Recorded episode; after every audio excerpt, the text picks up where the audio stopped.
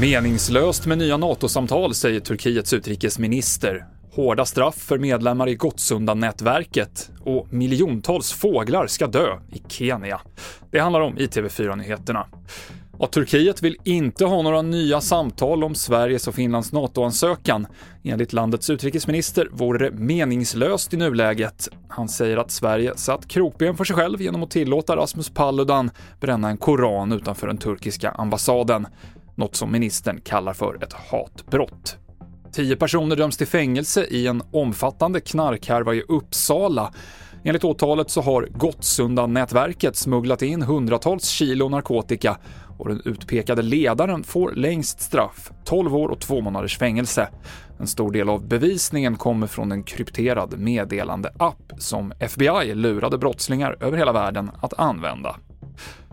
Sverige tog sig vidare till semifinal i handbolls-VM igår kväll. Men smolk i bägaren är att stjärnan Jim Gottfridsson bröt handen och han missar nu resten av turneringen.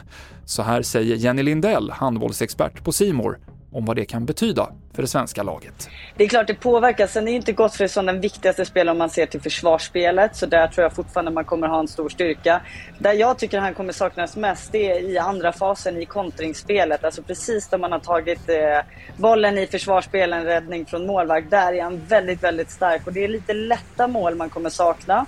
Och sen är han bra när det spetsar till. När man måste hitta kluriga taktiska lösningar. I de två scenarierna där där tror jag vi kommer ha svårt utan honom, men vi har ett lag som absolut kan gå till final och vinna utan Gottfridsson också. Det sa Jenny Lindell och Sverige möter Frankrike i semifinalen imorgon.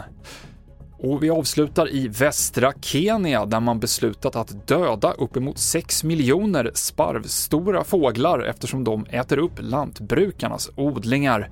I vanliga fall så äter de här fåglarna gräs, men torka gör att de istället äter upp ris och veteodlarnas skörd. Myndigheter överväger att använda sig av drönare som ska spruta gift på fåglarna vid avlivningen men det varnas för att det kan leda till betydligt större ekologiska problem på sikt.